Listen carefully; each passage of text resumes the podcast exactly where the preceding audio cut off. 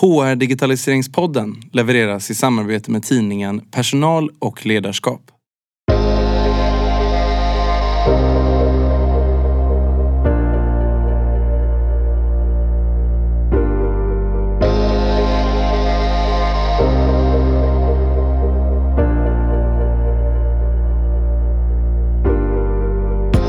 Tänk om du hade ditt eget labb där du kunde testa olika HR-tech-lösningar och genomföra piloter på tekniken som kan ge nytta till HR och verksamheten, men du inte riktigt vet om det håller hela vägen. Joakim Karlsson driver ett sånt här labb på PWC. Joakim har sin utbildning inom HR eh, och på PWC så började han som rekryterare och sen gick han över en roll som HR-generalist. Som ni hör i avsnittet så brinner Joakim för teknik som kan ge nytta till verksamheten och individerna och han delar med sig av massor av de här olika projekten som de har provat. Både de som har lyckats och givit värde till verksamheten och det som inte har gått lika bra. Det första projektet de genomförde var en riktig vinnare för alla och därför får han ju fortsätta att jobba med sitt Tech Lab. Om du vill veta mer om detaljerna bakom labbet eller ställa frågor till Joakim kan du göra det på Slack. Länk finns i avsnittstexten och på poddens Instagram, Facebook, LinkedIn och så vidare.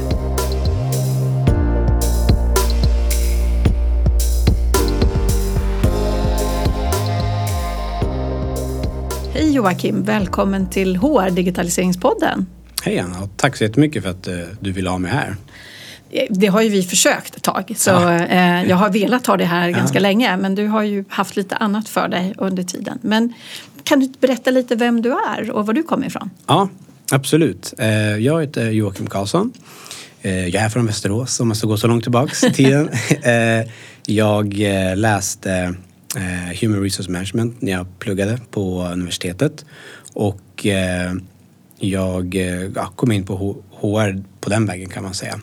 Eh, idag så jobbar jag på PWC, eller PWC Sverige, som är en, eh, ett revisionsföretag eh, som också gör rådgivning inom en rad olika tjänster. I Sverige är vi runt 3000 personer och eh, om man tänker globalt så är vi väldigt stora faktiskt. Vi finns nästan i de, de flesta länder. Eh, jag tror att vi är runt 200 000 globala kollegor. Eh, om man går tillbaka till personen Joakim så också så har jag, eh, ja, men en av anledningarna till att vi inte kunnat ses innan, jag har, jag har tre barn, jag har ett par tvillingtjejer på ett och ett halvt mm. eh, som kom precis när vi träffades första gången. Ja, eh, och sen har jag en son på fyra år också. Eh, vi flyttade mitt i pandemin, köpte hus innan pandemin men eh, i en ny stad och har försökt liksom, akklimatisera oss där. Så nu är vi liksom i land om man säger så. Det som jag tänker är att eftersom vi inte har fått till den här in, eh, diskussionen så mm. har det hunnit hända säkert många fler projekt. Mm. För du kan väl berätta lite eh, vad du gör på PWC då? Ja, eh, jättegärna. Jag, eh, PWC kan man säga, det är faktiskt min, min enda arbetsgivare på säga, sen jag tog liksom min examen. Jag började där för sju år sedan som rekryterare. Eh, jobbat på med det och eh, gick över sen och blev HR-generalist. Eh, men jag tror det som blir intressant för, för den här podden nu det är ju vad som hände 2016 ungefär då vi på PWC i alla fall bytte eh, Eh, vision kan man säga. Vi hade en ny vision som var digital first. Det betyder, det betyder för oss då att vara digital först mot kund men också internt och liksom för anställda. Så att jag tog det och och såg det som min chans att eh, försöka hitta på något, något nytt. Jag känner själv att jag älskar liksom teknik och framtiden och internet och sådär. Så jag ville gärna kunna göra det på jobbet också. Så jag, eh, jag skrev ett business case, gick till vår eh, HR-direktör Katarina Roddar eh, pitchade idén då. Eh, mm. Till vad som mm, var liksom fröet i den rollen som jag har idag kan man säga. Så på PWC så jobbar jag som Head of HR Tech Lab. Eh, och vårt HR Tech Lab är eh, Katrin Roddars gamla hörnkontor faktiskt. Aha. Där vi har eh, vår teknik om man säger så. Vi har lite headsets och eye trackers och lite VR-utrustning. och lite andra gadgets där som vi, vi laborerar med. Men man behöver inte sitta i det labbet för att, för att arbeta med det. Utan det, är ju, det händer ju i allra högsta grad eh, överallt liksom den utvecklingen. Eh, men det gör jag. Så att man kan säga att mitt mål är att gifta upp teknik, framtid med, med HR-processer. Liksom. Försöka accelerera framtidens arbetsliv. Och det har vi gjort liksom, innan pandemin och under pandemin och förhoppningsvis även efter pandemin. Liksom. Så eh, det här ger ju väldigt mycket möjligheter att lära sig olika saker. Så hur är det för eh, HR-avdelningen eller är det för... För ni har ju också rådgivning Mm. utifrån HR till de, i alla fall de större bolagen. Mm, jajamän. Eh, in, primärt ska jag säga att det är internt. Eh, det var liksom den vägen jag kom ifrån eh, med att ha jobbat eh, med rekrytering och som HR-journalist. Man, man ser vissa ska man säga, pain points som vi känner att det här är ganska lågt hängande frukter liksom. Som blev högre hängande frukter sen då. Men, men så att i första hand ska jag säga internt. Och sen, sen ett par månader tillbaks nu så jobbar jag, har jag fått en ny roll också. Som inte har, liksom är rent HR-specifik utan vi, vi kallar det för en digital accelerator.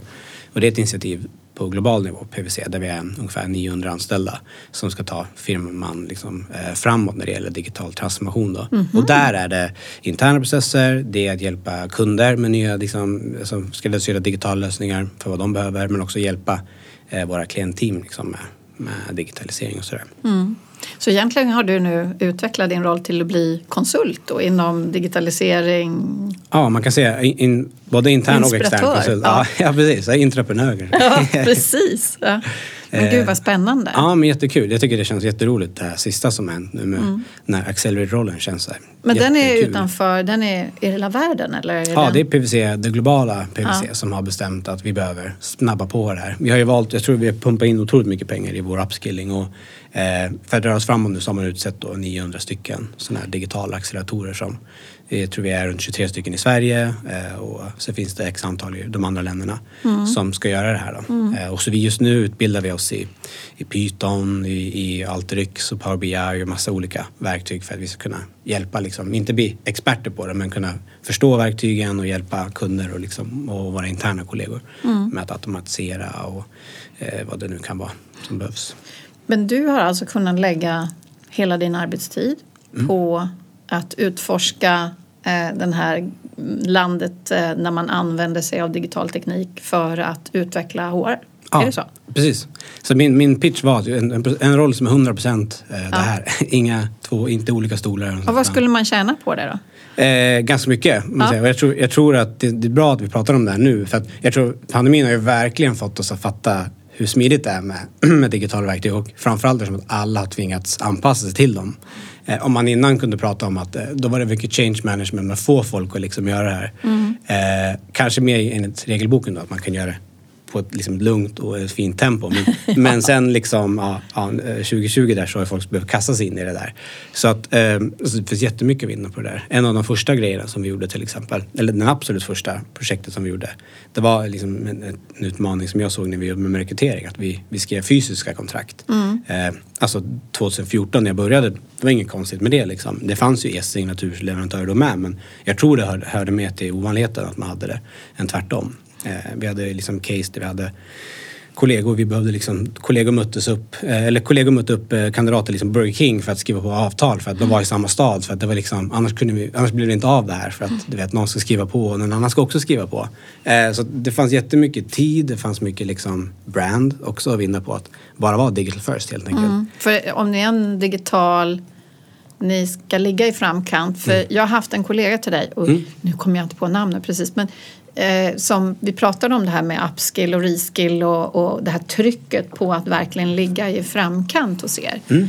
Eh, och då är som du säger, det handlar ju om ett varumärkesprofil, att kunna vara smidig, digital i Mm. det första mötet egentligen med kandidaten. Det kanske inte första, men, men när man, för att få till den här anställningen. Då, då. Exakt. Så det handlar jättemycket om, lika mycket som det, vi som, jag klockade egentligen, eh, liksom oss rekryterare och de som hjälpte oss med liksom administrativa delarna. Hur lång tid tar det att göra ett avtal liksom? Eh, hur lång tid tar det att posta det sen? Så att liksom, vi klockade liksom ner på minuterna och, kon- och jämförde det med de leverantörerna av e-signaturlösningar som vi kollade på bara för att se men vi kunde spara in hur många, liksom, hur många FTEs eller liksom full time employments kunde vi spara in på att liksom, ha ett verktyg för det här istället för att göra det fysiskt. Så det var det första vi gjorde eh, kan man säga. Och det är liksom eh, ett otroligt viktigt projekt att få i hamn. Eh, det gav impact. Eh, det är ju ett HR, liksom en, en, säga, HR-ansvar. Men impacten vart ju på hela PWC. Vi har ju liksom chefer, påskrivande chefer. Vi har i business caset så gjorde vi så byggde vi egentligen säga, en liten vision om att liksom, låt HR vara sand, sandlådan eller sandboxen för det. Vi testar det, vi försöker integrera det, eh, få det på plats och funkar det då har vi faktiskt liksom x antal tusentals kunder som också behöver signaturer på saker Mm. som vi inte längre behöver göra fysiskt. Och då helt plötsligt ser vi ju otroliga liksom, tidsvinningar på det. Mm. Eh, och det är det som hände, det, det hände sen. Att vi gjorde faktiskt, vi skalade upp det så det är inte bara HR utan även externt så använder vi oss av det. Jag tänker det som eh, när andra ska göra den här typen av projekt så kan de bli oroliga för att att människor eh, blir av med jobbet. Ehm, Men ni, ni klockade, men Ja. var det så att ni styrde om eller hade ni externa hjälp som ni inte behövde använda längre eller var det mer en tids kontra resultatuträkning? Eh, Det var, det var inga, eh, vi, vi, gör väldigt mycket internt på, på HR på PVC. då. Så det var mer, mer i stil med att okej men nu kan eh, rekryterare X eh, lägga mer tid på att träffa människor och göra det de är utbildade för personbedömning eh, och inte sitta med, liksom, med administrativa saker eller behöver skriva ut det här Word-dokumentet igen för att man har missat en sak. Med den här lösningen så automatiserar man ju flödet så att du kan inte skicka iväg det. Står det en viss personnummer så vet den vilken ITP-lösning det är till exempel och slår igenom på det. Så att man, liksom, man, man tar bort de här mänskliga faktorgrejerna. Så att mer att liksom, okej, gör- vi, vi ger dig mer tid att göra det du är anställd för och kan. Så det var inte bara en signatur utan det hela kontraktskapandet Ja, också. att Verifiera alla, all data i den här Det finns ju, ja men ja, precis. Så det finns ju liksom, dels kan man ju bara ladda upp en pdf Mm. och trycka en digital sign på det. Men, men det känner vi var, eh, men det är inte framtiden, tycker vi i alla fall. Utan här är ju nästa steg att man, eh, det tar en viss liksom, insats att bygga sådana här liksom, templates som man gör. Eh, och sen egentligen fyller man dem med datafält så att personnummer blir ett datafält istället Mm, för att du skriver bara orden. Så står det jag är född 87 till exempel, eh, då kan man liksom automatisera det så då vet den vilken ITP jag ska ha baserat på mitt personnummer. Mm. Om det nu är så vi vill ha det. Man kan sätta in spärrar så det går inte att skicka det förrän alla datafält är. Och på samma sätt, är det datafält då kan vi bygga dashboards av det också så vi kan se medianlöner på hur det ser ut när vi anställer. Så det finns ju liksom fler faktorer att vinna på det här än, Ja. att, än att bara tänka första steget pdf, sign, Ja precis, bara den bara digitala signaturen. Och det Precis. där är viktigt att förstå vad man, ja, vad Ja. man har fått. Men visste ni det från början eller var det i ditt huvud från början? Ja men det var, det var, det var liksom, det var i mitt huvud från början. Sen var det en leverantör som stack ut och de vi valde också som, som faktiskt hade den approachen på det. Eh, De andra vi träffade, vi träffade allt från stora liksom drakar från USA som till och med börsnoterade nu till liksom små startups här i Sverige. Eh, och det var just den här leverantören som, som vi kände, de, de tänkte sådär. Eh, och de tänkte det mer än vad jag gjorde och det kändes liksom perfekt. Eh, Det känns jättebra att ni, det, är, det är er vision på, på e-sign liksom, eller contract automation som de kallar det. Men det är ju fantastiskt. Alltså, det här skulle ju så många behöva göra men eh, jag upplever väl inte alltid att det finns någon som du som kan sitta och få göra och få Nej. ta sig tiden också att förstå. Jag antar då med ditt intresse att du redan hade med dig en, ett antal idéer. Var det fokus på rekrytering? För jag vet ju att ni har gjort några projekt kring just förbättra jag kan säga rekryteringsupplevelsen, eller? Mm. Eh, Ja, alltså en del av våra projekt var kom från, eller liksom, ska man säga, adresserades mot rekryteringshållet för att jag själv kom därifrån och hade mycket erfarenhet där.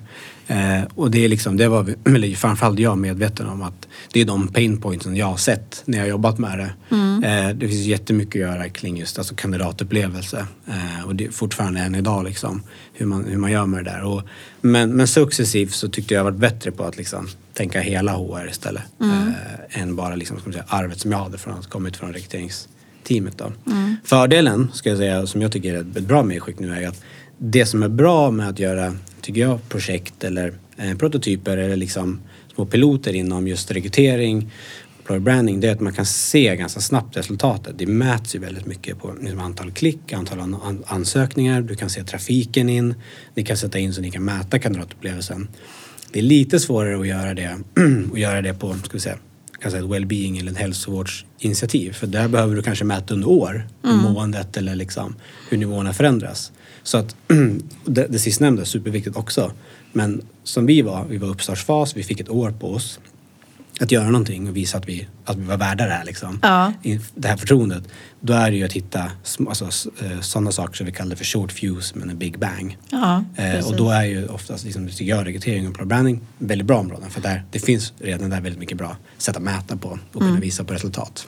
Så vilka fler short fuse projekt eh, Ja, gjorde ni då? vi har gjort, eh, när det gäller short fuse big bang saker så har vi gjort eh, en del när det gäller mässor till exempel. Alltså att vara ute på studentmässor tänker jag på då.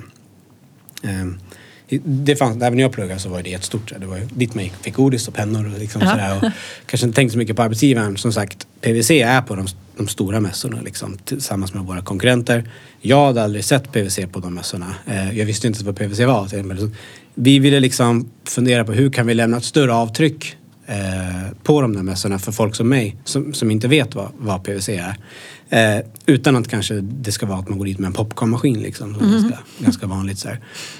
Så vad vi gjorde var, vi har gjort faktiskt i två, alltså i, i, i två stötar men en, en sak som vi gjorde väldigt tidigt var att vi, vi fick kontakt med bolag som, som kunde mäta liksom hur, eh, Eh, alltså hur, eh, eh, studenter eller besökare rörde sig på mässan. Hur vet jag, tror att det fanns en mässapp som, som man kunde ladda ner för sitt schema och sådär. Men där kunde man se hur, hur, liksom, hur flödena såg ut och kom det någon runt vår monter och sådär. Det gick inte så bra, det är svårt att se vem som pratade om oss eller inte. Vi vill ju mäta kvalitetssamtal kanske. Att någon står och pratar om oss längre än 30 sekunder och sådär. Men, men det gick inte så bra så det var en liksom, det funkade inte. Det testade ni men ni Ja, det, vi testade det. Men, ja, men det, det kändes, det här var ju långt innan GDPR också. Det, Mm. det kändes ändå lite konstigt så här. Eh, men det stod i, jag tror arrangörernas appar att men, du kommer bli spårad liksom. Men det känns lite så här, det känns konstigt och var svårt att mäta exakt. Mm. Så det vi gjorde sen, det var att vi eh, vi ville få vem som helst som går på sådana här mässor att säga att det finns en plats på PVC. Man behöver inte, det, man kan inte, man behöver inte bara jobba med revision hos oss. Det finns, det finns jättemycket du kan göra hos oss. Eh, så vi, eh, vi gjorde en inspelning med ett par rekryterare eh, i 360-film. Eh, och eh, sen gjorde vi eh, ett litet, ett litet test kan man säga som vi la in då i, i, i den här 360-filmen. Så att, ska man säga, resultatet var att om du kom på mässan, du kom till vår, till vår bås, så hade vi VR-headset på eh, som du kunde ta upp. Satte på dig dem, då träffade du en rekryterare. Ungefär som det här rummet vi sitter i nu. Kommer in, hälsar välkommen och så ställer de väldigt eh, högst liksom, ovetenskapliga frågor. Men, men, men man får ta ställning till vissa saker. Och egentligen oavsett hur du svarade så liksom blev inspelningen att så här, men det finns, så här, det, här, det här låter jättebra, det finns plats, du kan göra det här och det här. Och det man gjorde var sen att man fick en rundvandring då på ett av våra kontor med en av våra chefer som gick runt och berättade just varför vi just behöver folk med, med ditt driv och sådär. Så att det var ju för att dels ge liksom en impact på folk som var där. Bara, Gud, vi fick testa VR. Det här var 2016 tror jag. Ja, 2015. VR är ju något som länge- först alltså- nu kan man säga blir mer tillgängligt. Ja, jag tror det liksom, det vart ju en boom där 2015-16 också. Då körde vi det för vi tänkte att folk kommer gå tillbaka från skolan sen. Vet du vad? Jag fick testa VR liksom. Jag träffade någon som heter PVC och jag fick gå runt deras kontor och de sa att jag kunde, jag jag passade där. Så vi ville ha liksom en impact men också faktiskt kunna visa hur kontoren ser ut och hur vi ser ut liksom och våra rekryterare ser ut så att det blir. Eh, så, så det var en, också en sån sak som var liksom short fuse. med en Och ni fick eh, fler eh, som sökte? Ja, vi fick lärare, lärarstudenter som, som hörde av sig. Det också. Och jag vet, att den målgruppen har ju aldrig vi tänkt på men, Nej. men, eh, men det var kul att se att det, liksom, det, kom, det kom helt nya eh, alltså, profiler om man säger. Mm. Det vanliga. Men just eh, om man tänker eh, på det här med teknologi, prata VR. Mm. Eh, och jag har förstått att ni har provat det i lite olika former. Så vad har ni gjort för tester kring det? För det Mm. Ja. ser ju jag nu eh, att det finns så otroligt mycket egentligen man kan använda det till. Men det har fortfarande varit ganska omoget Mm. Ja. skulle jag säga. Mm. Och framförallt för oss har det varit, tycker jag, tufft att se men så här, vad, hur kan vi använda det i vår verksamhet. Eh, jag som sagt, som jag älskar, älskar teknik och, och tv-spel och jag har VR hemma och spelar tv-spel så jag ville gärna, hur kan vi liksom gifta upp det här? Och det fanns jättebra exempel då, återigen om man drar tillbaka klock- klockan några år, på typ företag som Boeing till exempel, flygplanstillverkaren. Eh, de, de hade klockren case för VR. De bygger sina flygplan i en virtuell miljö. Så låter de sina tekniker och de nyanställda teknikerna egentligen gå in och laborera, ta isär eh, planet i, i VR. Eh, lära sig alltså, reparera sakerna, vad heter alla beståndsdelar istället för att flyga dem från hela världen till USA där kontoret ligger. Eh, och då liksom, eh, dels liksom net zero, eller alltså man ska säga hållbarhetsaspekt, men, men också att det är jätteeffektivt för dem eh, om de behöver hjälp med saker. Så att vi funderar på så här, vad är vår Boeing? Vad, Ja, vad är vårt flygplan liksom, på PVC? Och, och då eh, sa vi det att liksom, VR är väldigt upplevelsebaserat. Eh, vi tror att saker du upplever där sätter sig ganska hårt in i liksom ryggmärgen. Så här. Du kan Ja. se Seeing is believing helt enkelt. Och um, någonting som vi gör väldigt mycket på PWC det är ju att vi, vi träffar människor. Vi träffar kunder. Eh, vi kan vara liksom i olika sammanhang där vi ska presentera saker, lyssna in och liksom våra konsulter gör det på en daglig basis egentligen. För man, man, skulle, man skulle kunna koka ner till det så att vi säljer förtroende. Liksom. Vi vill att vi har konkurrenter som gör samma saker, oftast lika bra. Men det är ju PVC, alltså förtroendet som vi har med oss, upplevelsen som vi vill att det är den man betalar för. Liksom. Så att eh, då sa vi att perfekt, eh, då har vi ju liksom vår Boeing-plan där. För att presentationsteknik i VR, alltså eh, sales pitch och presentationsteknik är ju någonting vi faktiskt kan testa. Så det, det var det vi faktiskt började med som liksom, som säga, rent projekt. Vi hade, vi hade vad vi kallade för VR-fredagar väldigt länge. Där man på fredagar kunde komma, det var öppet hus i techlabbet. Så liksom partners, ledare, anställda kunde komma och prova hoppa från skyskrapor, flyga runt i VR. Eh, ja, vad som helst egentligen, spela golf i VR. Här, bara för att testa tekniken. Liksom, Bara för att bli lite bekväm med tekniken. Ja, Mm. se liksom i vår, i vår dröm, drömvärld så kommer ju någon, någon från någon verksamhet eh, prova det här och bara gud jag skulle kunna använda det här mot kund. Eh, vi, vi har hört om, om case i, i England, våra brittiska kollegor som har använt VR, tagit med kunderna in och tittat på sin data i VR, klättrat på staplarna liksom, Ah. kring personalomställning eller omsättning och så här. Så att, eh, vi ville gärna få till det, så egentligen bara mognad i tekniken. Kom in, testa liksom, prata med era, med era nära och kära, era jobba kompisar om att ni har gjort det här och liksom eh, sprida ordet. Och sen som våg två var att faktiskt ha ett, ett riktigt program då där man kan boka upp sig i en kalender eh, där vi hade eh, en prestationsteknikmodul helt enkelt där du fick öva på att eh, du laddade upp ditt eget material kan man säga i VR, sätter på dig headsetet eh, och med det headset som vi har så till, kan man gå runt också i rummet och då går man även runt i VR-världen då. Snarare två kontroller vilket gör att då kan vi skapa en, en överkropp av dig med hjälp av headsetet och kontrollerna. Så du går runt på, på den scenen du har valt, du kan välja klassrum, eh, Globen, liksom, storlek på det eller liksom ett kanske styrelserum. Eh, och sen drar du din presentation, eh, kan klicka igenom slidesen och det fina i det här sen, det är att dels så kan, kunde vi manipulera liksom publiken. Så vi kan styra deras engagemangsnivå. Så vi kan dra upp den på 100, då sitter de blickstilla och tittar på dig. Och det är nästan lite läskigt för så är aldrig någon publik. Liksom. eh, eller så kan vi dra in på noll och då sitter de och pratar med varandra och de kanske kollar på telefonen och sådär. Sen kan man ju dra den under tiden så att den blir interaktivt liksom, beroende på vad man gör. Vi kunde också titta i headseten på eye-trackingen. Det vill säga, har du kollat på publiken eller tittar du mycket på dina speaker notes eller du kanske fastnar blicken på den första raden bara för det är bekvämast. Du inte behöver, det är läskigt att titta upp så här. Och vi kunde analysera röst, eh, ton, ton, tonaliteten i rösten då. Eh, För det brukar ju vara, stå upp komiker pratar väldigt dynamiskt. Så här. De går upp och pratar och sen går de ner och sen viskar de. Och så, sen är de liksom uh, all over the place medan vissa andra talare är väldigt monotona och det är deras approach liksom. Så det vi gjorde, att vi, vi inte utbildade alltså talcoacher och sådär. Så att vi gav med datan, vi tittade på den ihop och så fick, man, fick personen själv göra bedömningen. Liksom, är det här den jag vill vara på scen? Man kunde se kroppsspråk och sådär också. Så samkörde vi det också med, vi har ju liksom som säga, riktiga eh, utbildningar där vi även har externa tränare som, som hjälper oss med presentationsteknik och sådär. Och bjöd in henne också, hon fick testa så här för vi ville att hon skulle veta om att vi parallellkör det här och så kan man testa det hos henne.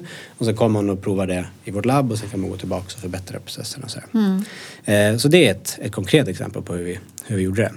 Sen har vi gjort lite sådana där. Och där kan jag ju säga, jag har ju faktiskt provat det. Mm. Eh, nu var det ganska länge sedan, men det är ju just VRs, eh, VRs eh, förmåga, eh, hjärnans, eh, det, trots att det är liksom bilder, det är ju inte, det är ju ritade figurer som rör sig. Och, men det är, blir otroligt verkligt. Eh, Det Så det är spännande. Men det är ju intressant att ni valde det. Mm. Och det rullar på fortfarande? Att man, Nej, det har vi inte kvar faktiskt. Nähä. Och anledningen till det är att det var precis innan, det finns ett känt år som heter 2020 när det hände en viss pandemi här. Och vi, vi Ja. höll precis på att förhandla om liksom avtalet för, för Ja. det. För att när vi började med det här så fanns det, vi hittade en, eh, en, eh, ett holländskt bolag som gjorde det här till oss. Som vi, med, den nivån vi ville ha. Med eye tracking i, med, med den här publiken som man kunde styra. Eh, och eh, då var det nästan bara de och de kunde ta väldigt bra betalt för det och vi skulle precis omförhandla liksom att nu, nu finns det andra, nu finns det jättemånga aktörer på det här. Eh, och vi var inte riktigt överens och sen kom pandemin och det var ingen som jobbade på kontoret längre. Det fanns att- ingen som kunde använda Nej, dem. Man kan inte skicka behov. hem dem. Nej, det. precis. Och det är ingen som mötte publik. Precis, de gör faktiskt det i, i PVC UK, eller våra Ja. brittiska kollegor har ett jättestort VR-satsning. Så där, där, där har man faktiskt skickat hem headset, men, men det har inte vi. Nej. Inte på den nivån. Men eh, nej, så vi har pausat den just nu. Mm. Eh, nu har vi tittat mer på just kollaborativa sätt att använda VR istället. I globala nätverket så eh, men, jobbar vi väldigt mycket med VR och, och augmented reality också mot kunder och även internt på hur vi ska kunna jo- jobba över gränser sådär. Så nu håller vi mer på att titta på, men, är det någonting vi borde ha eh, liksom för att kunna ta del av globala möten och sådär, eller med kund. Men ingenting som är, som är än. Eh, bara för att förtydliga för de som lyssnar. VR, Mm. Yes, eh, bra. virtual reality. Virtual reality. precis. Glasögon som är helt täckta. Man lever inne i huvudet. Yes, man, precis, man, man, man stängs in i en värld i det här headsetet som, Ja. är, som är virtuellt skapad. Och augmented reality, och det är ju mer förstärkt verklighet. Att, då har du ju typ som ett par glasögon som jag har nu, som ett interface som lägger på saker i, Mm. i den verkliga världen. Så att fördelen med AR är att du kan ju se var du går, du behöver inte gå in i väggen om Nej. man säger så. Om du testar. Men och fördelen med virtual reality är att du kan ju skapa otroligt mycket häftigare upplevelser. Eh, just nu i alla fall, med tanke på tekniken och, och vilken hårdvara man har för augmented reality. Mm, Men augmented reality, eh, trodde det hette något annat med glasögon. Augmented är väl, en, alltså du kan ju också ha det i din telefon. Ja, som precis. Du, ungefär som när du ska gå, jag brukar ge jämförelsen när du går efter en karta Ja. och får vägen visad. Det är ju också augmented reality. Precis, då är lagret själva telefonen. Ja, precis. Eh, och eller så är det glas, glaset i glasögonen. Så Ja, det, ja. det är samma. Ja, just det. Eh, Jag har inte sett så mycket av det här med glasögonen ännu. Nej, nej det vart ju, nu vart det ju, vart det ju het potatis nu med Facebook här som, som lanserar sina glasögon. Som, eh, som har eh, liksom, viss liksom, teknikalitet sådär. Eh, och det blir väldigt mycket skriverier om det där. Men, men nej, inte jag heller. Eh, jag vet att Microsoft HoloLens har ju det är ju också det är ett headset du sätter på dig med ett par tonade glasögon som går ner. Eller tonade glas som går ner. Ja. Och där, där får du också raster på verkligheten. Liksom. Det läggs på saker. Men såna, det är ju fort, de är ju ännu längre bak i prisnivån än vad, vad VR är nu. Det börjar bli billigare med VR och tillgängligare. Så inte AR där riktigt. Eh, Nej. Så man får, Vi får ge det lite tid och så får sådana som du får testa och Jag kan testa om- lite. Så kan ni höra av er på, på Slack kanske också. Ja, när, precis. När det är klart. så. Eh, Fråg, ställ frågor Ja. på Slack. Vi håller kontakten där Precis. helt enkelt. Eh, Ja. Och än så länge får man använda kanske telefonen som interface. Ja, precis. AR. Eh, Det är väl det som är det vanligaste just nu. Ja, vi gjorde faktiskt ett sånt projekt där vi, vi hade en, en jättestor satsning som eh, heter New World New Skills där vi eh, ja, men lanserade just det här med digital transformation, liksom hur, hur viktigt det är att alla våra medarbetare är med och driver det. Liksom. Eh, att vi alla liksom, eh, leder oss själva i det. Eh, och då hade vi i promo-materialet till det där så hade vi också vi hade liksom en lanseringsdag kan man säga. Och då fanns det på på kontor när man kom så fanns det flyers överallt och det fanns cupcakes där det stod liksom New World New Skills. Och de stod där med, ja förresten, så här, ta, rikta din PVC-telefon mot ja, cupcaken eller i den här broschyren eh, och, bara, och liksom titta vad som händer. Gjorde man det så, kom, så poppade liksom vår HR-direktör Katarina Rodder upp eh, och vår digitala ledare Bosse Karlsson upp ur liksom, cupcaken eller ur det här eh, flyern då. Och liksom stod på den och bara hej, så vad kul att du att du gjorde det här. Eh, vi är bara här för att berätta om liksom hur viktigt det är med digital transformation och varför vi behöver dig i det här arbetet. Så att det var också ett sätt att bara liksom, ja, men marknadsföra det men få folk att se också med teknik och ganska enkelt grepp att liksom få en hype kring det. Så det var jätteroligt. De spelade in det här green, bakom en green screen miljö. Och så kunde la man på placera ut det bara på, på de här så att, Ja, det, så att det med själva- kameran då gick det igång eller? Precis, Ja. så att eh, cupcaken var ju triggern för, för den här uppspelningen att, att starta. Eller flyern då. Så att Ja, den här ja. appen och man använder kameran känner igen. Okej men nu flyern, nu, nu triggar jag och spelar upp det här liksom. Mm, så, så helt plötsligt stod de där på den. Eh, det var jättekul faktiskt. Ja, superspännande. Men vad har, vad har varit ditt eh, roligaste projekt? Är det något Mm. av de här eller har du något annat? Eh, jag tycker faktiskt, det låter säkert jättetråkigt jag säger det, men jag, jag tycker faktiskt alla har varit jätte, alltså, jag det är jättekul på jobbet. Eh, men om man ska verkligen kondensera ner det så jag tycker att VR-delen har varit väldigt kul för att man kan se från våra VR-fredagar eh, när folk kommer och testar till, till, till slutfasen av det här när vi höll på med prestationsteknik att hur, liksom, hur folk har alltså, mognat med VR tycker jag hos oss. Framförallt vår HR-avdelning ska jag säga. De var de första som jag stod, hej kom in, kom in nu alla och liksom ingen gick in.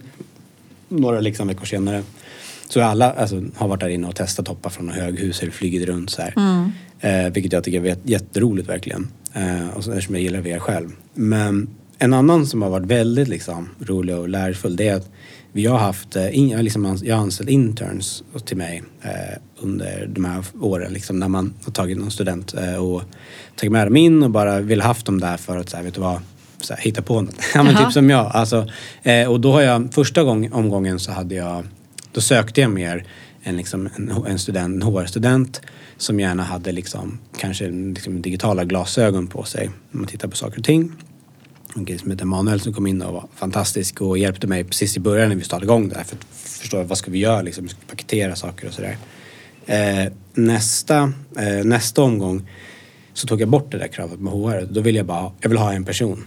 Eh, så att vi tog bort liksom eh, personligt brev eh, och vi tog bort liksom allt som har med, ska liksom hålla på med HR att göra. Så att vi, det, jag, jag minns inte exakt annonsen men det var typ så här Alltså framtid, teknik, är det lika med hjärta? Ja men sök liksom. Mm. Skriv gärna, istället för personligt brev, skriv en A4. Eh, så här, hur du tycker att teknik kan förbättra världen liksom. Eh, mm. och det är ju jättebra. Vi har jättemycket olika spread. Och jag, jag la ganska mycket tid på att annonsen skulle vara just, alltså inte flummig men, men, men lite annorlunda än mm. våra vanliga så här. Så det slutade med att jag, jag fick in en, en tjej som heter Sandra från Barcelona som var i Sverige då och pluggade master på KTH i machine learning en fantastisk eh, alltså tjej som liksom när, när hon läste sin Bachelor så byggde hon, eh, alltså byggde hon robotar till barn eh, som, gick, som eh, var under så cancerbehandling mm. eh, på sjukhusen för att forskning sa att om, alltså, närhet och sånt hjälper liksom, processen att, liksom, att, hela, att läka sig. Mm. Så det var liksom hennes bachelorprojekt och jag var helt mindblown över liksom, hennes engagemang kring sådana här grejer. Så att hon hade skrivit jättebra liksom, visionsblad eller vad man ska säga. Mm. Så hon kom in, pratade engelska. Det var också superbra för att så här, det är inte så man kan tro det, vi är en global firma, men det, det är inte vårt första språk liksom, eh, inom Så att, jättebra för hela vår avdelning liksom, hon kom in, vi pratade engelska. Hon är helt, hon vet inte vad HR är nästan, hon visste inte vad PVC var heller, vilket jag tycker är jättekul. för det var, hon var med och pratade för vår ledning en gång och vår direktör frågade så här, men Sandra, hur kommer det sig att du liksom sökte till PVC? Hon bara, jag visste inte vad PVC var, jag läste annonsen och, och jag tycker det lät kul. Så här. Vilket var jättebra för, både, för alla oss att få höra liksom, att det handlar ju om uppgiften kanske, inte alltid alltså företaget. Det kan det också göra. Men mm. det borde handla om uppgiften för då tror jag att man är mer motiverad. Så det Sandra gjorde, hon, hon satt och liksom, hon fick en dator utanför vårt nätverk som kunde sitta och programmera. Hon byggde algoritmer som skannade CVn vi fått in och kollade om vi hade liksom dolda fördomar i hur vi, hur vi väljer ut liksom, ja. vilka som ska intervjuas och sådär. Eh, som bara hamnar på liksom, prototypstadiet. Eh, hon, höll i, hon anordnade hackathon där vi på HR och marknad, när vi var på konferensen, hade en, liksom en halvdag där vi byggde värderingsrobotar. Vi delades upp oss i team. En vart programmerare, en vart liksom lag, alltså lagledare, en vart designer, en vart liksom eh, kodare. Så här, så att, eh, och det var också dels ett jättebra sätt för våra avdelningar att, att liksom jobba tillsammans med något som vi båda jobbar med, värderingar, alltså PPCs mm. värderingar. Så mm. Eh, så det det kom ut som var att egentligen, om du har varit kanske på flygplatser och sånt och gått igenom säkerhetskontrollen kan man ju trycka på så här gubbar, de är glada, ja, ledsna. Ja. Det var liknande det men det var våra värderingar istället. Så skulle man klicka, men vilken har du levt idag? Och så kunde man antingen blippa sitt kort och trycka eller bara trycka och så räknade den upp så men idag har X antal medarbetare på det här kontoret ja, tyckt att de har varit nyskapande som är mm. våra värderingar. Så, jätt, alltså otroligt intressant att bara få ha med henne. Hon mm. gjorde jättemycket för att liksom, ska man säga, skaka om, om lite i lådan. Tänka lite nytt. Precis. Mm, och så, här. så att, eh, det tycker jag var, och jag lärde mig jättemycket av henne. Mm. Eh, och det, var, det tycker jag var så här, ett av de roligaste. Jag hade ingen aning om att det skulle bli så bra. Och, eh, det var liksom, ja, hur bra som helst. Hur, så hur, var det fördomar?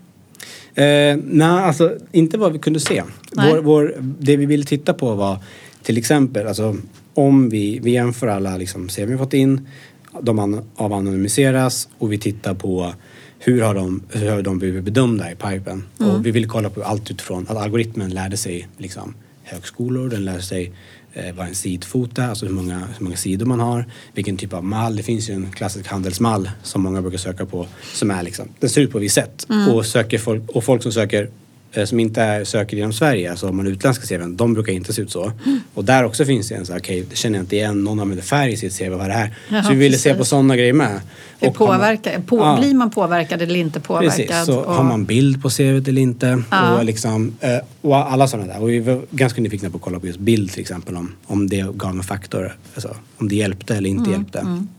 Men vi hittade ingen samband mot det. Men, men det var sådana saker som vi liksom ville, vi ville att den, den skulle liksom fortsätta skalas upp. Och där var idén faktiskt att vi gör det först själva. Eh, vi tittar liksom och ser till att vi utbildar oss, oss själva och vårt team på hur, hur, gör vi egentligen med hur vi bedömer CVn och sådär.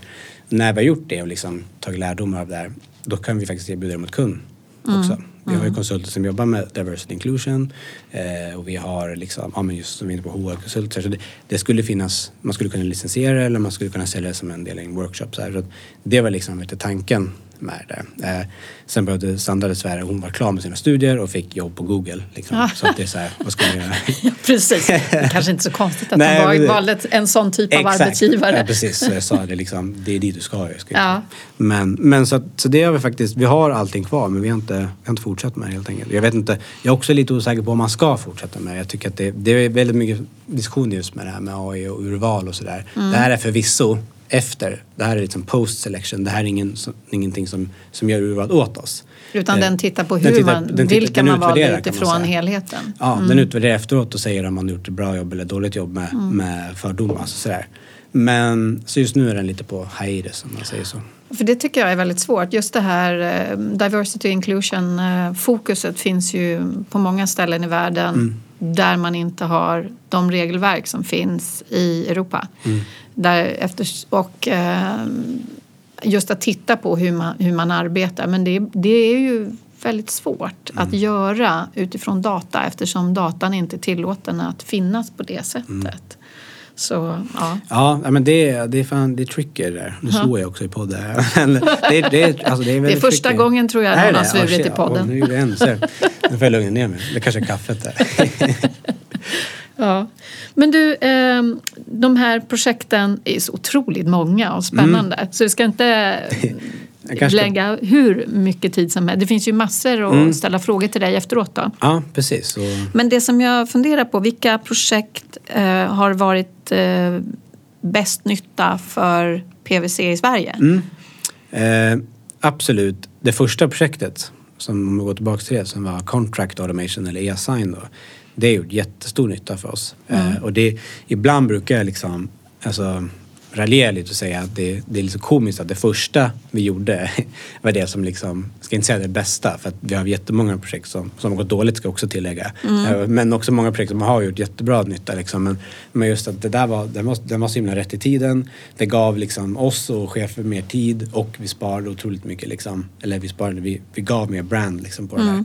Så att vi helt plötsligt kunde säga så här till verksamheten. Nu kan ni också göra det och ni kommer spara ungefär så här mycket tid på det. De bara Wow, okej.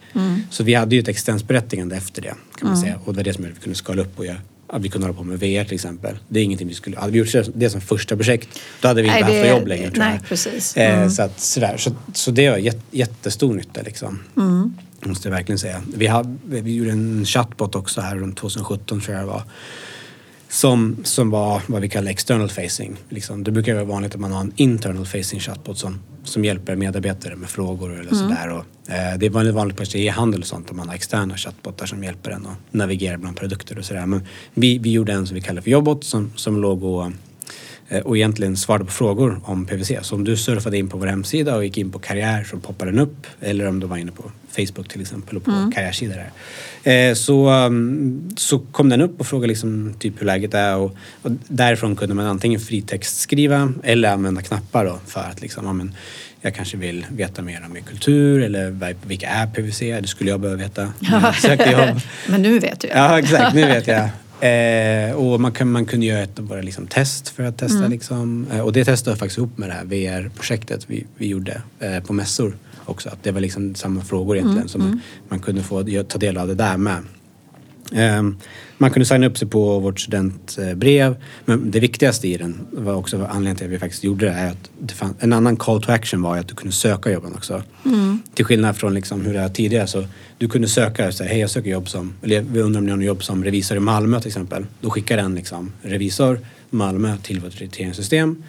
Som skickar tillbaks om det finns det. Och så i liksom chatten så kan du liksom browsa, swipa mellan och Mm. söka i mobilen.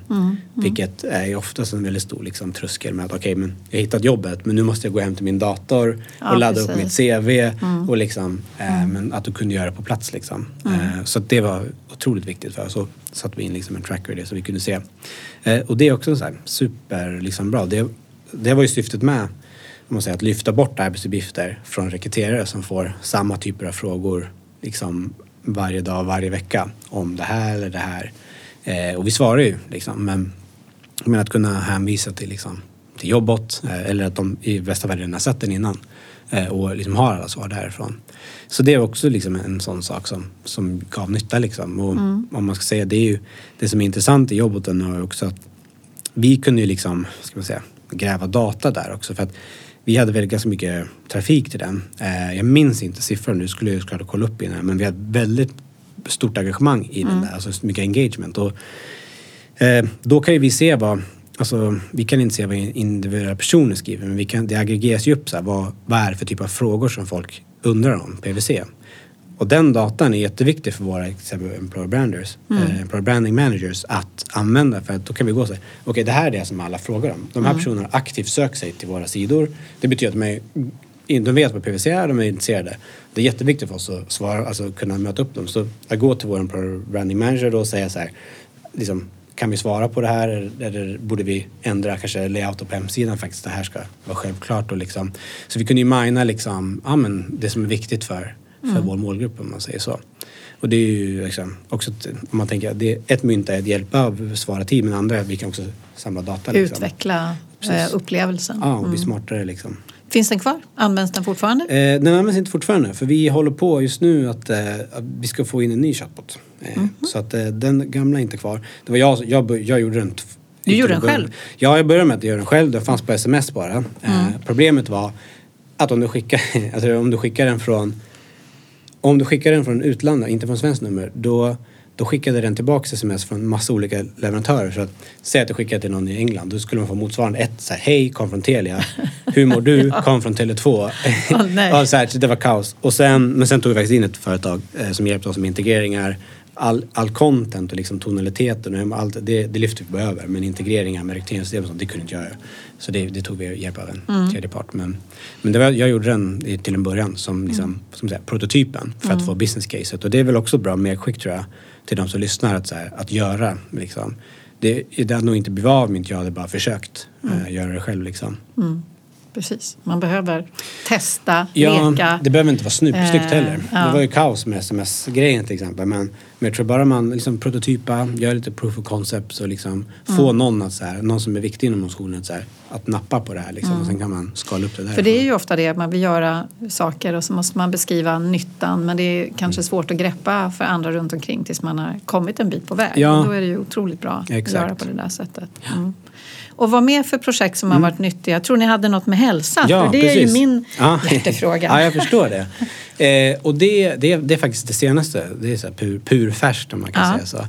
Det är, eh, det är ett projekt där vi Ursäkta, nu kom eh, kaffet här. eh, det är ett projekt där vi eh, med hjälp av egentligen så IoT eller Internet of Things, en device som du fäster över bröstet, mäter biodata i din kropp eh, och i realtid ge dig feedback i en app på liksom vilka saker som, som lägger stress på dig och vilka liksom, uppgifter eller aktiviteter eller saker du gör i stunden som kanske är tvärtom, i återhämtning eller liksom byggstyrka. Och i det finns också sömn och motion Så där. Men framförallt så är det egentligen frågor som så här Typ varför mår jag så himla bra när jag har haft möte med Anna till exempel? Eh, och varför mår jag så dåligt när jag åkt hiss? För? Men så här, det kanske man inte vet men du, du, med det här får du hjälp liksom, att se saker och ting och kan på det sättet gö- med de insikterna liksom, göra små förändringar för att liksom, optimera ditt mående. Man säger. Och det här har varit superviktigt för oss under den här tiden med hemarbete och liksom, pandemi. Att, så här, vi träffas inte på samma sätt. Det är svårare att liksom, möta, träffa varandra och liksom, ska man säga, ja, men bry sig om varandra på ett annat sätt. Man träffar varandra via, alltså via Facetime eller Meet eller vad det nu är man har dagligen. Så. Men, men det blir på ett annat sätt. Så att det, det här är en, en liten sak kan man säga det stora liksom, paraplybegreppet well-being på PVC då, med hur vi ska kunna liksom hjälpa till. Så att i, eh, i januari så började vi med en pilot Eh, då hade vi 100 personer som var med i en pilotgrupp. Och eh, däribland vår VD och eh, delar av ledningsgruppen som var med, eh, vilket var jätteroligt. Och de fick ha, det är en mätperiod på 10 dagar när man, man gör det här. Då. Eh, så de var med och, och tillsammans med 90 till då, och testade produkten. Eh, vi gjorde liksom utvärdering på det här, hur det kändes och liksom hur det upplevdes och framförallt datan på hur folk mådde. Och det är också viktigt kanske att nämna det, vi kan inte se på individuell nivå liksom, utan det aggregeras upp på, eh, för, vår, för, vår, för vår del så var det liksom på affärsområdesnivå eh, och vi har ju grades på PVC. Så du finns associate och sen det senior associate och manager som går upp till partner. Liksom. Så på, det kallas för professionella nivåer. Liksom. Så där, vi kunde bryta på det med och sådär. Och se liksom. Eh, Och vi, vi identifierade folk som var nära liksom att gå in i väggen eh, i tidigare skede än vad vi hade gjort annars. Så det var också liksom, då, då skickas de vidare i en annan liksom, eh, hälso, liksom, apparat istället. Ja, Men bara den liksom, att, att hitta dem, den besparingen vad man ska säga. Eh, liksom finansiella liksom piloten så här, som det finns otrolig kraft i det här. Så det, är liksom, det, det finns flera syften i det. Det är dels för kanske dig och mig att optimera våra liv med att okay, jag vet att det här ska jag inte göra innan jag går och lägger mig för att då får jag stress liksom när jag lägger mig. Ehm, och det här är liksom till de som faktiskt eh, kanske inte vet att de springer nästan rakt in i en vägg. Liksom.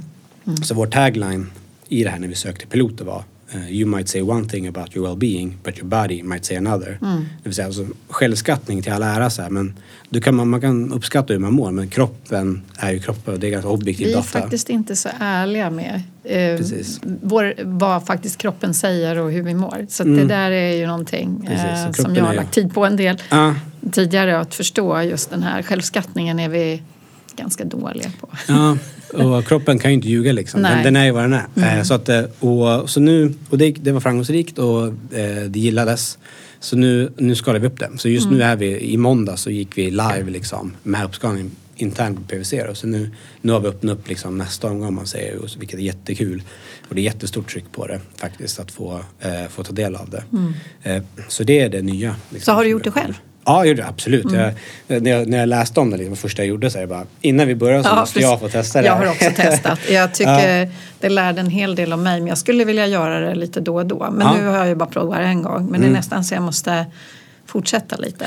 För att, och det, jag har provat två olika leverantörer också. Så det kanske du också gjorde. När Mm, Ja, man ska jag- testa måste man ju ha fler man provar. Ja, precis. Det, vissa har ju olika alltså sätt att mäta också, vilket jag tycker är intressant. Eh, alltså vart man sätter mätningen liksom.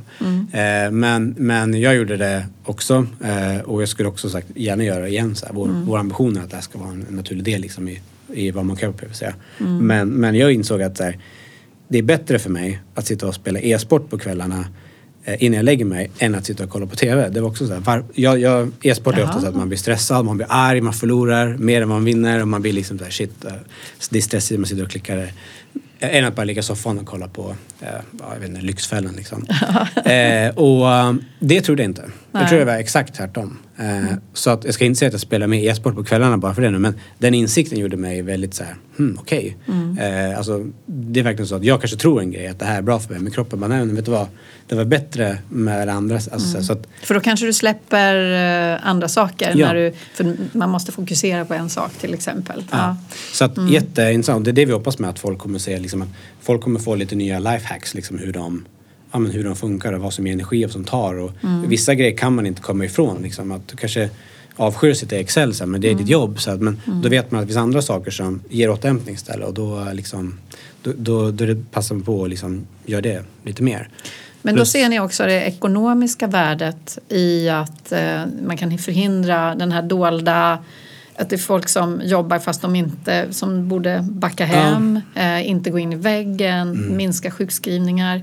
Kunde ni mäta det då utifrån det här första testet eller är det någon, Ja. vad ser ni för ekonomi i det? Ja men precis. Alltså, det, i, I första piloten så var huvudsyftet var, var mer att ge liksom, medarbetare kontrollen över att fixa liksom, små lifehacks i livet. Mer än att liksom, kostreducera om man säger. Men det var ju liksom, det var en outcome. Det hade vi pratat med leverantörerna om. Att ibland, de sa, ibland händer det så. Ibland upp, upp, alltså, får vi nys om det för att du mäter. Du har en, liksom, en digital coach i appen som baserar sig på din data. Sen har du också personligt samtal med en från leverantören. Då, som, eh, och, och där kan de fånga upp mer saker liksom. Så att, och de hade förvarnat oss att det händer ibland liksom. Det händer och då, då, då har ju vi en, alltså en lösning hos oss hur, vad, om det händer. Eh, så att det är ju liksom, ja det är ju dels att liksom, ska säga, undvika det. Vi vill ju att folk som jobbar på PVC ska inte må dåligt liksom. Eh, men också faktiskt att ja, men här level upp liksom. Om Mm. vi kan eh, ta det här, testa det i tio dagar, eh, gå igenom programmet och se vad, liksom, hur, det, hur, hur det funkar om man säger så. Och sen förhoppningsvis göra det nästa år igen liksom, eller vid en annan period så du kan benchmarka. Mm. Man. Eh, så att, mm, Ja, det där är ett, eh, hälsa har ju varit på tapeten länge i hur vi ska kunna ja. eh, bli bättre på att motverka eh, ohälsa. Mm. Precis. Och jag gillar verkligen att, att just, alltså det, mät, alltså det mäter objektiv data också. Mm. För att oftast, inte oftast kanske inte men det är ju ofta sådana upplägg här också. Man träffar liksom coacher och man gör program så men då har de saknat den här, den här delen att just mäta också. Mm. Alltså, man kan mäta genom att självskatta och sånt där. Men jag menar på riktigt mäta vad din kropp säger. Mm. Och det tycker jag när leverantörer har löst bra. Liksom, att du får med det också. Så vi faktiskt kan se vad som händer liksom. Så att det, ja, det är spännande. Mm. Sista fråga, om inte du vill berätta något mer. Men det, Ja. då tänker jag så här. Ni måste ju ha misslyckats. Du pratade Ja. om den där ja. studentapp-grejen. Eh, men vad, vad har ni testat som inte var så bra som du trodde Ja, kanske? och det, det kan jag säga till, till lyssnarna och om vi liksom har kontakten sen via, via Slack-kanalen. Så här, vi, kan, vi skulle kunna göra en podd till om, om bara det som misslyckas. För det är ju mer, alltså, mer som har skitit sig ska jag säga än som har gått Så. bra. Men det är också lite approachen man, man måste ha. Eh, och det var ju det liksom, som sagt när, när Katrin Rodda var var liksom fantastiskt nog och sa ja till det här och liksom tillät oss att testa och misslyckas. Så att så här, vi, ska man säga, vi kastar skit på väggen och ser vad som fastnar. Och vi brukar kalla det för uh, the nine out of tens. Alltså nio av tio saker funkar inte liksom. Men, och det, där har vi till exempel det här med, med när vi var på mässor liksom och skulle spåra hur folk rörde sig så här. Eh, men också, vi har gjort ett projekt med eye tracking eh, från en, en svensk leverantör, tillverkare av eye tracker hårdvara som du sätter på. På den tiden i alla fall satt man den som en extern hårdvara på skärmen. Nu vet jag att det finns laptops som har den eh, mjukvaran i sig. Men, men där, den, de, de spårar dina ögon så att du kan styra datorn med, med synen. Liksom. Du kan skriva med ögonen, du kan eh, alltså flytta mappar, du kan scrolla och läsa. För att eh, den används till gaming det var så jag fick upp ögonen för det. Men det används också i, liksom, i, sjukvården. Folk som är, kanske ligger vid sjuksäng och inte kan röra sig. Det används för till exempel eh, utbildning av lastbilschaufförer fick jag höra när vi träffade leverantören. Där de ser, de analyserar hur chaufför, framgångsrika, man kan säga så, alltså väl, välkörande chaufförer tar in vägen. Alltså hur tittar de på vägen för att skanna av liksom, läget så här. Och så kan då eh, i teorilektionerna kan man titta på det. Så i vår, vår pitch var att men vi gör det här för medarbetare som har kanske har funktionssättning eller svårt att liksom använda armarna. Och framförallt om det är folk som vill jobba hos oss. Som kanske inte liksom tänker att det kan jag inte göra för att du ska kunna göra det. Liksom. Det, är, det är en laptop och en, och en ryggsäck liksom, som är konsultlivet. Så, här. Eh, så testar vi det eh, på mig och på min håravdelning. Eller liksom på de, de som ville gå med i det. Det var väldigt tidigt liksom. Och vi insåg efter ett par dagar bara att vi hade sprängande huvudvärk allihopa. Det, är för att, det var inte för att tekniken var dålig utan det var för att mjukvaran, alltså det menar våra hjärnor var ganska dåliga. För att alla vi satt och, och spände ögonen i skärmen. Vi var liksom så här, vi tog bort musen på vissa också så att man inte skulle kunna fuska liksom. Alltså, Man satt och spände och tittade på den här mappen jättehårt. Nu ska jag, mm, jag måste liksom se att jag kollar på den mappen och flyttar den. Och den, det, den såg ju det såklart, alltså hårdvaran. Men, men efter ett par dagar så hade vi alla suttit och spänt oss där och tittat jättehårt på skärmen för att vi ville liksom vara noga med att mjukvaran upptäckte det. Så att, eh, vi sa att nej, vi måste Det går det inte. går inte. Alla har spänningshuvudvärk liksom, vi kan inte jobba. Eh, tröskeln var för hög liksom, Ja. för att ta till sig den här tekniken nu. Ja. Eh, just det syftet då. Eh, men jag skulle gärna gå återvända till det här nu. Nu har det gått på år. Så vi Ja, kan se- precis. Se om det, det funkar. Ja, vi vill göra en studentapp på tal om saker som inte gick bra. Vi vill göra en studentapp där vi, eh, på tal om hur vi ska få in folk, liksom, där vi vill kunna ge så här, white papers och liksom resurser till folk som, som är i olika stadier av universitetsutbildningen. Eh, om de skriver uppsats så kan, kan man gå in på vår app och hämta jättebra underlag för att kunna skriva liksom, uppsatsen, hämta kunskap. Under åren också, du går ettan så går du tvåan, eller år ett, år två, år tre. Så kan du göra personlighetstest, sen kan du göra eh, något annat test. Liksom. Och när, du har gjort, när du har gått till den cykeln så när du väl klickar på sök hos oss så behöver du liksom inte ens göra tester för du, vi känner ju dig. Du har, liksom, du har haft appen, du har liksom gjort våra tester. Kom och träffa oss, liksom, hela det stadiet klart. Och också innan GDPR ska jag säga. Men då ville vi att man skulle signa upp med Facebook eller LinkedIn. Då skulle vi få datan också på folk så här. Eh, men det var också det ett väldigt stort projekt. Mm. Alltså det ska byggas app och det ska liksom vara okej, okay, det ska vara fine med att få Mm. göra det och det ska byggas resurs, alltså all kunskap vi har ska ner i den. Så, här, så att det var för stort liksom. Där Mm. var jag väldigt blåögd alltså, med vad jag trodde det skulle gå bra. Jag, jag skissade värsta prototypen och skickade så det var jättefint. Så jag skulle, skulle visa det, jag tror du skulle tycka det så bra ut men, men så måste det göras också. det var ganska övermäktigt. Det måste vara, tänka på vad ni har för resurser ändå. Exakt, och det var bara jag liksom. Eh, så att, eh, ja men det är också en sak som inte har funkat. Eh, vi har hållit på med geotagging, alltså så här, en idé om att skulle komma upp med henne och komma till kontoret. Liksom, Hej, kul att du är här nu. Så här. Och det är också så här, ah, vad, vad gör det för något egentligen? Liksom. Så att eh, vi har, det finns mycket liksom, vi har hållit på med som inte har funkat. Eh, alltså, än idag, eller vad man ska säga, det är fortfarande saker som inte liksom fastnar. Och det är så det måste vara. Liksom. Jag Ja, men så är det ju. Jag, man kan vara väldigt tacksam att det är några som testar. Ja, och alltså förtroendet vi har fått framförallt från Katarina då, som bara har sagt att det är okej att köra liksom. Eh, det hade inte gått annars.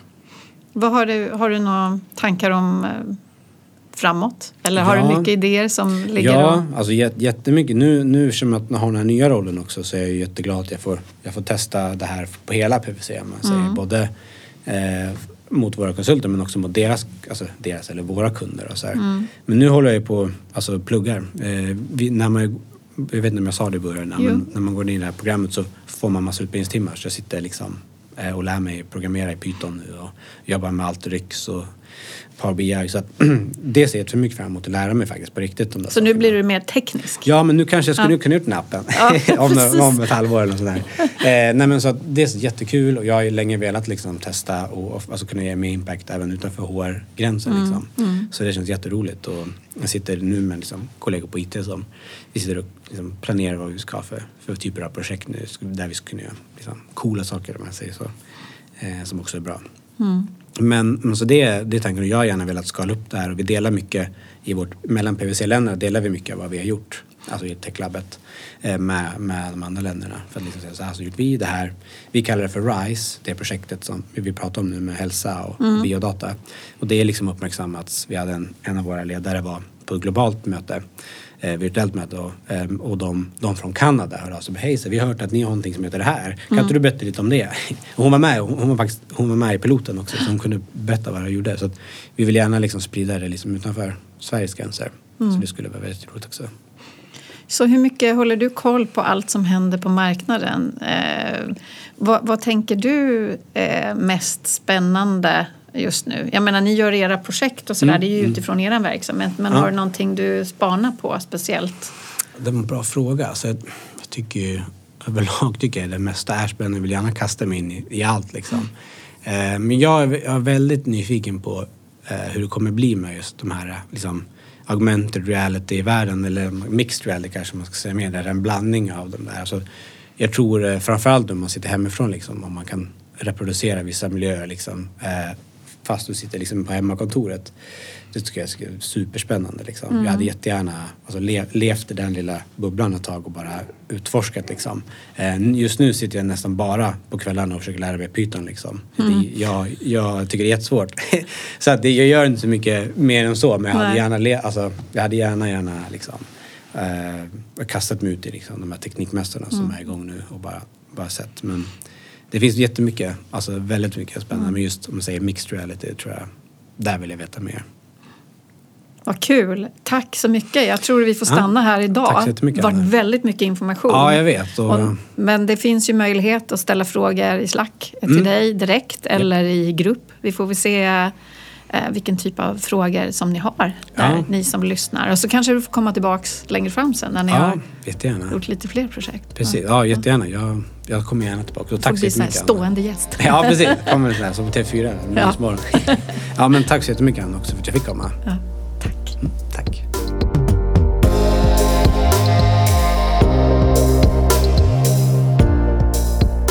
Vad kul att du har lyssnat på hela det här avsnittet ända till slutet. Leverantör av podden är HR Digitaliseringsgruppen och jag som pratar heter Anna Karlsson. Gruppen har fokus på inspiration, konsulting, mentorering och utbildning inom digitalisering för HR. Du når oss via Instagram, LinkedIn eller vanlig mejl på hej.hrdigi.se. eller på slackkanalen hrdigi.slack.com. För att delta på Slack behöver du en inbjudan och den länken får du via någon av poddens sociala medieprofiler.